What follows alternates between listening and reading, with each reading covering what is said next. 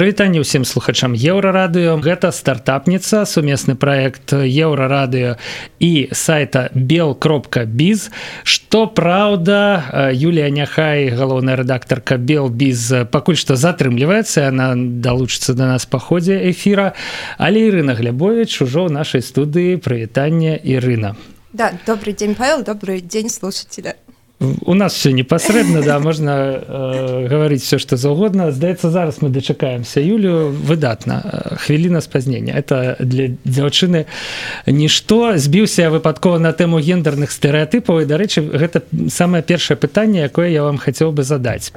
Ірына я падабраў для эфира такі фотаздымак на якім стаіце вы і сем мужчын і гэта команда беларускай сеткі бізнес-ангелаў angels band як вы адчуваеце у такім асяродку сябе?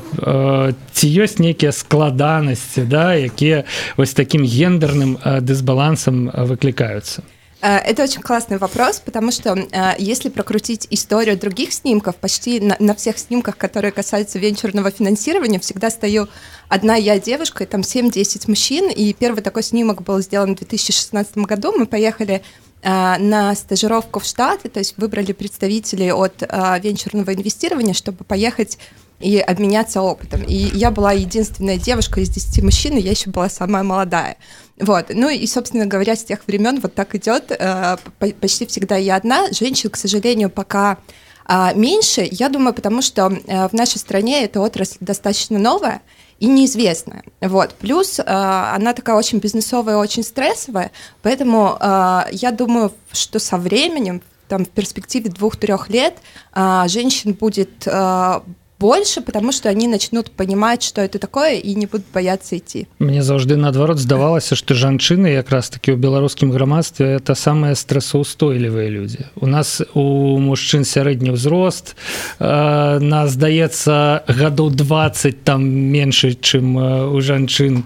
Я маю на увазе э, ну старых так людзей. А вы як супраціўляецеся стрэсам?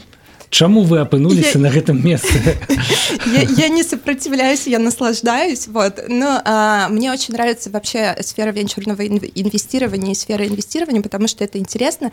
Ты а, работаешь со многими компаниями компании разные команды разные продукты разные. У тебя есть возможность погрузиться в деятельность а, абсолютно разных а, команд. То есть, когда я работала в Зубркапитале, мы работали и с банком, и с интернет-провайдером, и с e-коммерсом, а, и со строительными проектами. То есть было очень много разных проектов. То же самое сейчас происходит в венчурном финансировании. Это команды от а, медтеха до стриминга, кстати. То бок як кажаш, што з кожнай вывучанай мовай чалавек пражывае яшчэ одно жыццё. Да? А так венчурны інвестор з кожным новым проектам да якога далучаецца яго кампанія некую особу у себе открывая, некая шизофрения такая отбывается. Что да? вообще очень много жизни проживает. Да, да, да, это, и, э, э, э, это очень круто, потому что э, ты, э, ты погружаешься в, кома в компанию, в команду, и э, цель какая венчурного инвестора? Э, максимально капитализировать э, компанию, ее вырастить до э,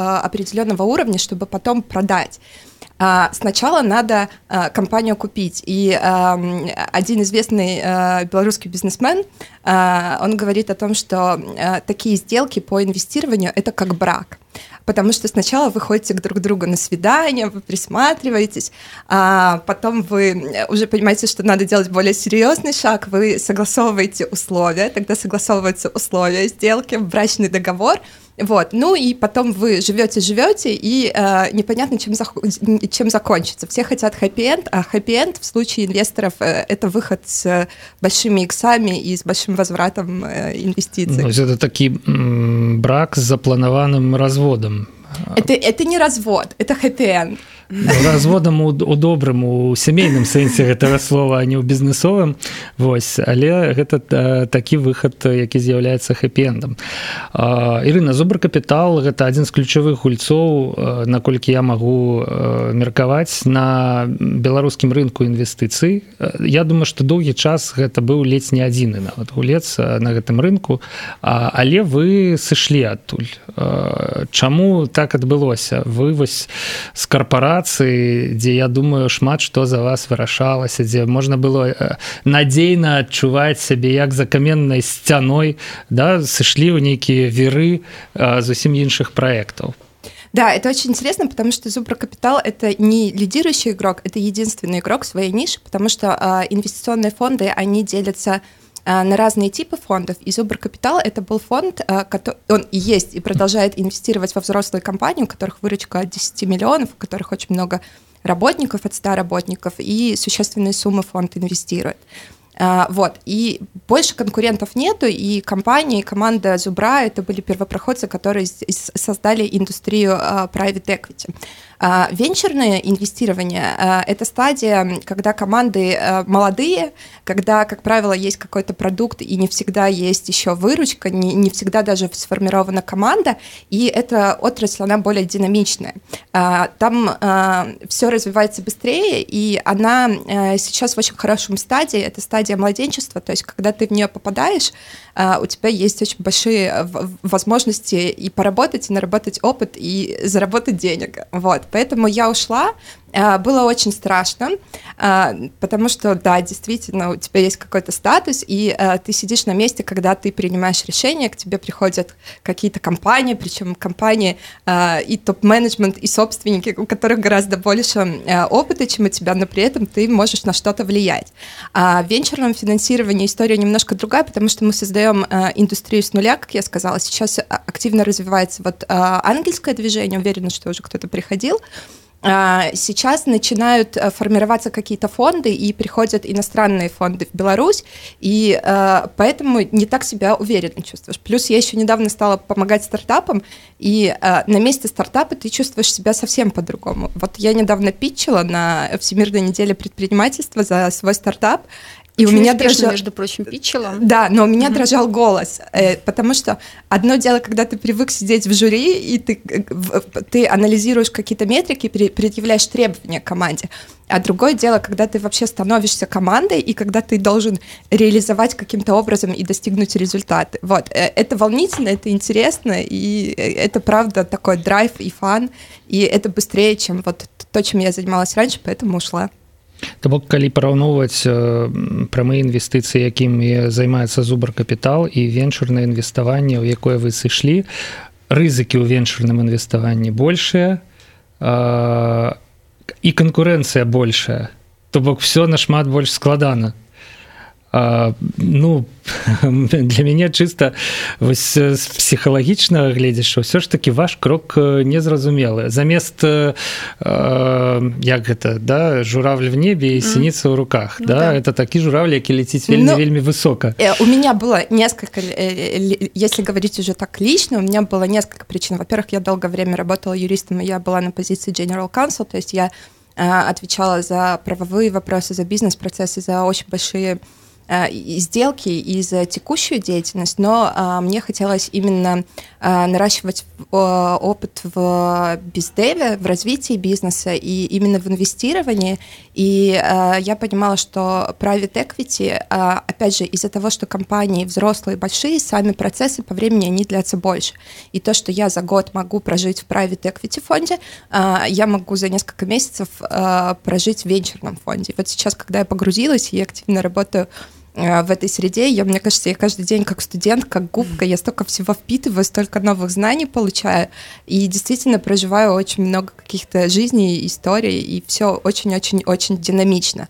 Вот. И вторая важная причина — это причина того, что я хочу развивать экосистему, и это не пустые слова, я пытаюсь как-то э, своими усилиями что-то делать, а, потому что мне кажется, что э, у Беларуси очень хороший потенциал, и я вижу возможность в том, чтобы белорусы делали делали хорошие R&D-центры, центры разработки, и с, с европейскими партнерами кооперировались в плане бездева и в плане продаж, и из этого делали какие-то международные истории. Я очень верю в наш регион Центральной и Восточной Европы как инвестиционный фокус очень хороший, правда, большой потенциал, и не, не хочется это упускать.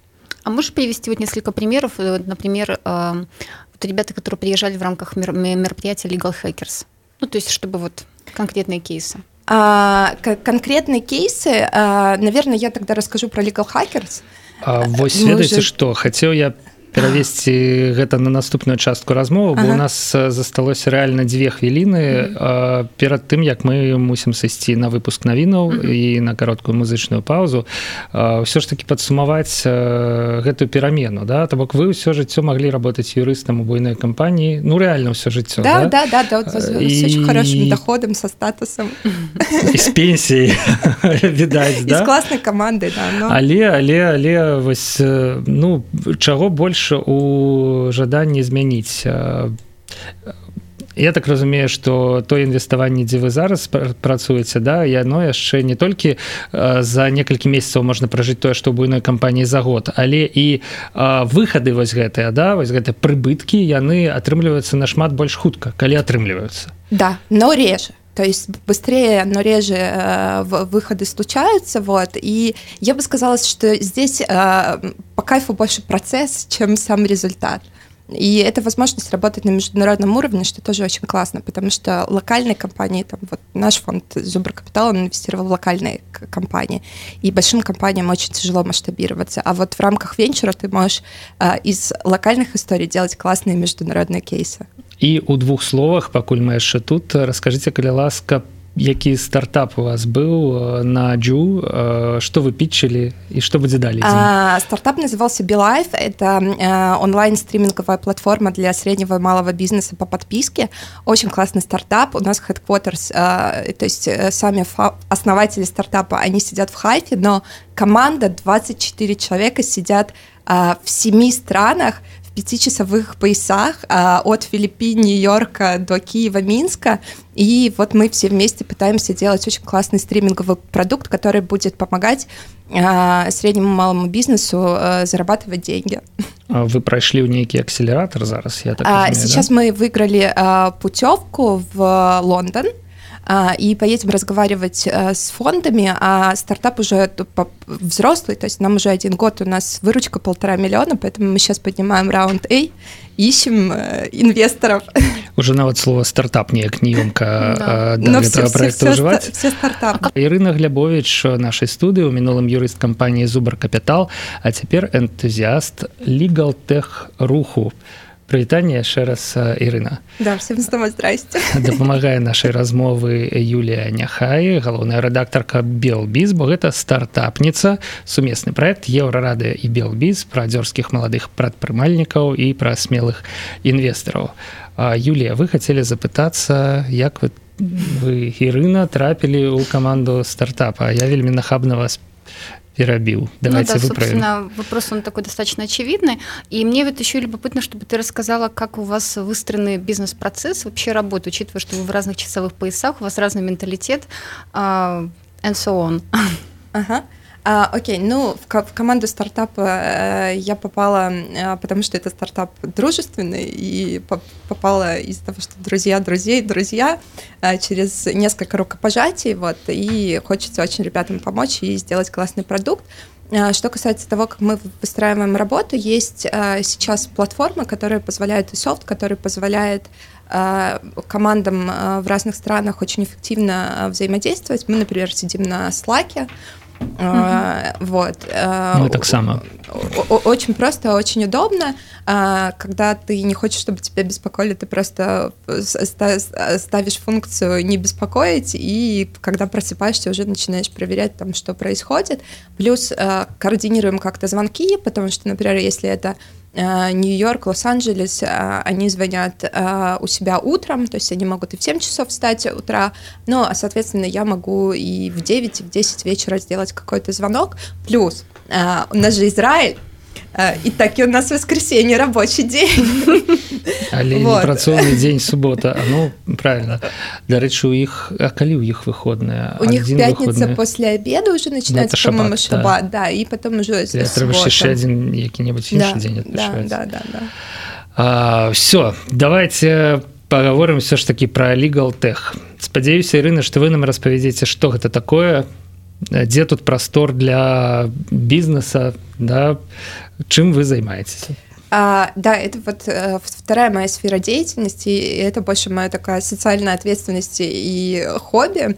А, я развиваю Legal Tech э, в Беларуси и а, представляю в Беларуси группу Legal Hackers. Legal Hackers — это вообще международное движение а, Legal Tech энтузиастов, инвесторов, программистов, а, профессоров, политиков, все, всех, кому хочется развивать юриспруденцию, делать ее Э, динамичной, доступной и технологичной. Мы представлены в 60 странах, по-моему, в 145 городах. Это очень мощное движение. То есть э, э, Ну давайте все ж таки патлумачым что это такое. Гэта ад, ад, адлічбаваныя юрыдычныя працэсы нейкія это юридичные это юридические процессы это юридические решения юридических проблем. То есть есть несколько фокусов и есть несколько ниш. а, здесь можно работать в части автоматизации юридических процессов, например, автоматизация работы юридических департаментов. Да? Это если какая-то компания-разработчик написала софт, и этот софт э, используют, например, в большом банке для того, чтобы не бегать с этажа на этаж с подписями, а ставить там электро э, электронные подписи и отправлять а, по имейлу. А, это все, что касается доступа к правосудию, причем доступ к правосудию в очень широком смысле, начиная от решения проблем а, дорогих юридических услуг в развитых странах и вообще нехватки доступа к юридической информации, юридическим услугам в неразвитых странах.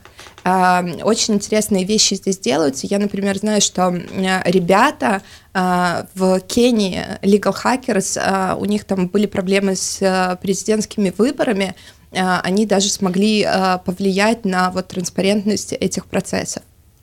Вот. И это стартапы, соответственно, legal тех стартапы, потому что ниша очень классная, 600 миллиардов рынок.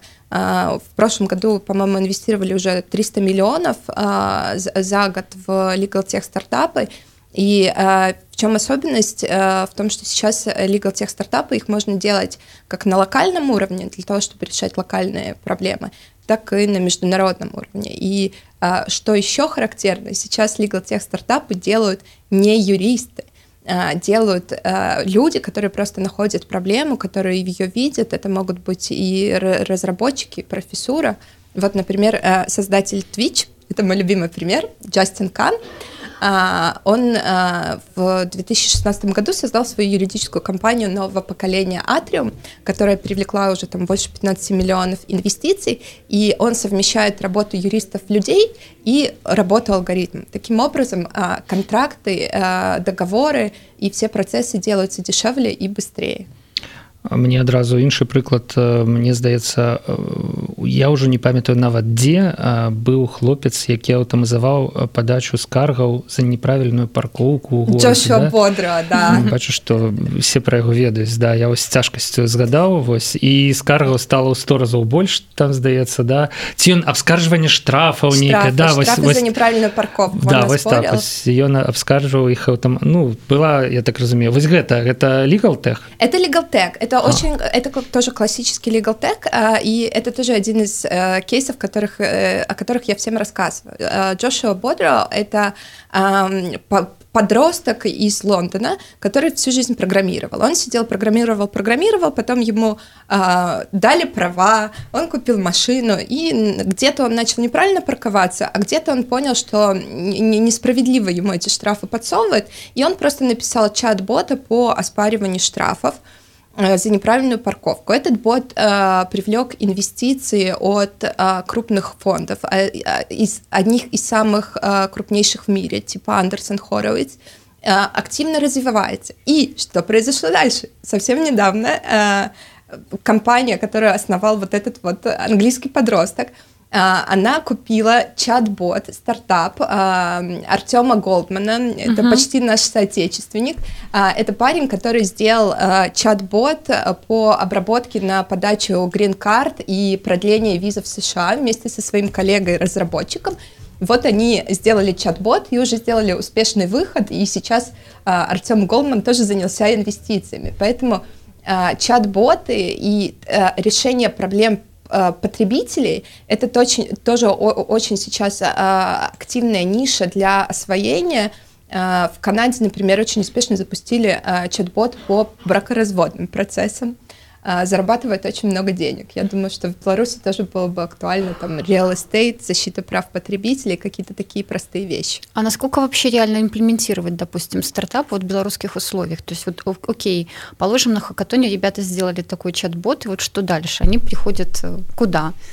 А если на хакатоне ребята сделали чат-бот, который ориентируется на э, локальный рынок, они могут пойти к крупным игрокам, э, у, у которых есть э, деньги и ресурсы для того, чтобы этот продукт запустить и им помочь. И я знаю, что многие компании, типа там вот э, Юрспектр, они запускают э, сейчас свои э, акселераторы корпоративные, которые именно развивают legal tech.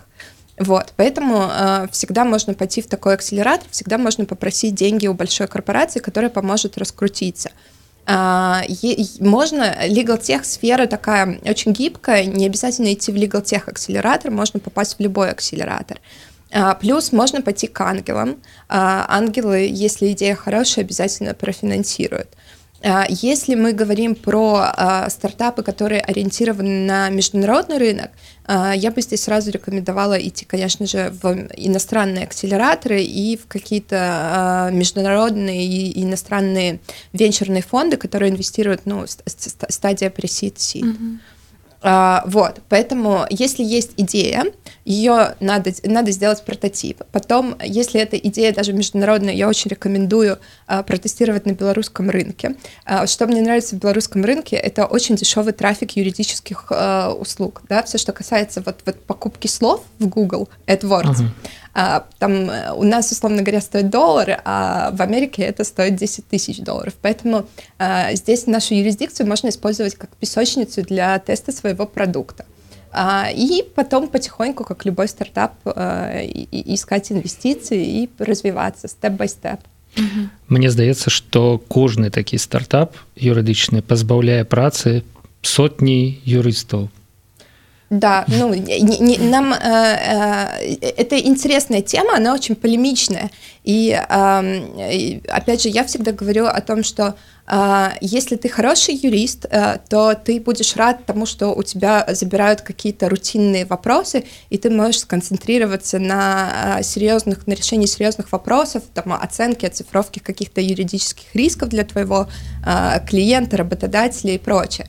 А, если ты э, юрист-клерк, который выполняет какие-то простые бюрократические функции, типа вот, например, как в банке, да, например, Греф в Сбербанке там сокращает огромное количество юристов, потому что э, проще процессы э, автоматизировать. Или, например, э, процесс автоматизации дебиторской задолженности. Не, не нужны большие э, отделы по взысканию дебиторки, которые просто претензии отправляют. Это может сейчас сделать технология. Вот, поэтому да, а, действительно какие-то рутинные функции, они а, закрываются, и тогда а, все, что касается юридической инфраструктуры, начинает работать гораздо быстрее, и для нас, для всех это лучше. Для нас, как для потребителей с вами, это удобнее, для бизнеса это удобнее. Вот, например, мне последние годы очень не нравилось работать юристом, потому что я медленная. То есть я понимаю, что я работаю с классными, быстрыми компаниями, там типа 21 век, там они вообще, у них скорость бешеная. Но они ничего не могут сделать без моих 100 страниц договора, потому что вот так надо, потому что так, так устроено. И вот мне хочется это очень сильно менять, и поэтому я только за, чтобы вот такие процессы простые, их автоматизировать. Я дарэчы ведаю юрыстаў якія складаюць э, вельмі сур'ёзныя дамовы на одну староначку вот так вот і справа не ў тым что там вельмі дробны шрифт да? Да. Вось але гэта неяк працуе это работает это работает есть э, э, есть lawyer э, наш земляк да. с вами вот Ан... кажу, да, Антон Вашкевич, да. который он, он не просто какие-то запросы да, на, на страницу делает, он а, умудряется автоматизировать работу крупных юридических департаментов российских госкорпораций. То есть он, составля, э, он сокращает документооборот э, с 10 тысяч документов, к которым привыкла корпорация для того, чтобы э, принять решение до 10. И это все прекрасно работает. А в части того, что юристы сопротивляются, юристы не хотят и боятся, это абсолютно верно. Мы вот делали лет, э, осенью мы делали legal design workshop, кстати, вот приезжал Антон Вашкевич, а, и а, есть такая организация Human Constanta, а, и там приходила э, Яна, которая у них занимается, э, как это сказать, переводом сложных юридических вещей на э, простой человеческий э, язык, она не юрист. И сидели там 80 юристов, и она им сказала, зачем всегда писать договор с большой буквы? Или за, зачем, э, когда ты пишешь в реквизитах счет, зачем писать банковский счет? Можно же просто, или расчетный счет. Можно написать счет. И а 80 юристов, они просто их задели за живое, потому что потому что договор с маленькой да? буквы, а счет, он же может быть и банковским, и расчетным, и транзитным, и корреспондентским. И у нас была такая полемика просто.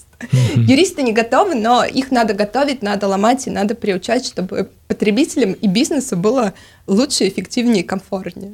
Я так разумею, что рух LegalTech, ён у пэўным сэнсе выконвае мару чалавецтва вызваліць людзей ад некваліфікаванай прымітыўнай працы для да, да. нечага вось высока каб прыдумляць да каб быў палёт думкі а не перакладанне паперак вы адчуваеце что да, да, да. И в мире сейчас есть такая. два таких, ну, очень простых тренда. Один тренд это технологический, а, когда а, появляются технологии, появляются и растут э, экспонентно, их нужно внедрять и использовать. Мы все говорим про VR, AR, machine learning, и это работает. А, например, в Америке есть а, компании уже, которые а, с помощью машинного обучения они изучают большую базу судебных решений, которые были вынесены, и могут делать предсказания, как тот или иной судья поведет себя, или какая вероятность выиграть тот или иной налоговый спор.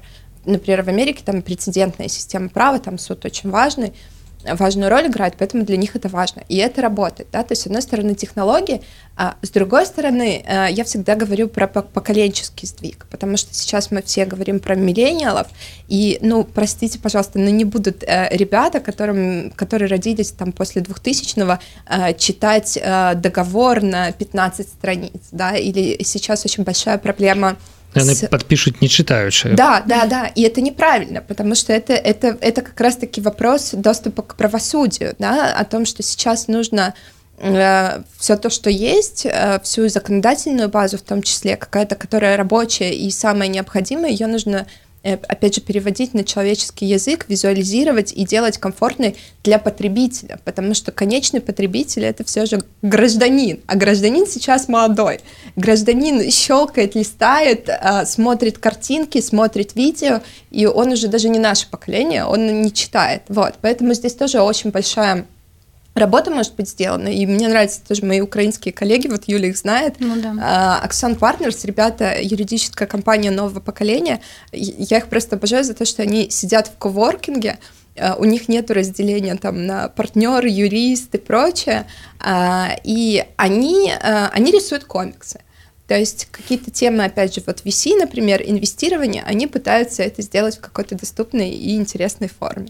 Ірына насамрэч чаргова 12 хвілінаў нашай размовы праляцелі амаль і мы хутка мусім развітвацца але я не магу не запытацца што такое legaltech хакатон у імагуру хто туды прыходзіць якія проекты ну спрабуюць сябе там да гэта юрысты гэта праграмісты uh -huh. да вот хто удзельнічаў legaltech хакатоне да 7 9 декабря будет э, наш legaltech хакатон совместная инициатива самогуру опять же мы делаем это для того чтобы э, развить как-то legaltech приглашаем всех приглашаем э, юристов адвокатов студентов программистов, бизнес-аналитиков, маркетологов, все, все, кому интересно.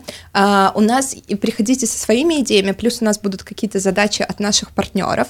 А, будут ребята, у которых уже есть тоже готовые наработки идей. Будут а, менторы. Будут менторы, да, да, будут призы, а, будет пицца. Мы сегодня вот как раз договариваемся на пиццу, будет еда. То есть это два дня, когда мы объединяемся в команды и э, начинаем делать какие-то решения, цель сделать прототипы. Шмат людзей на такія мерапрыемствы прыходзяць праз тое, што там будзе піцца.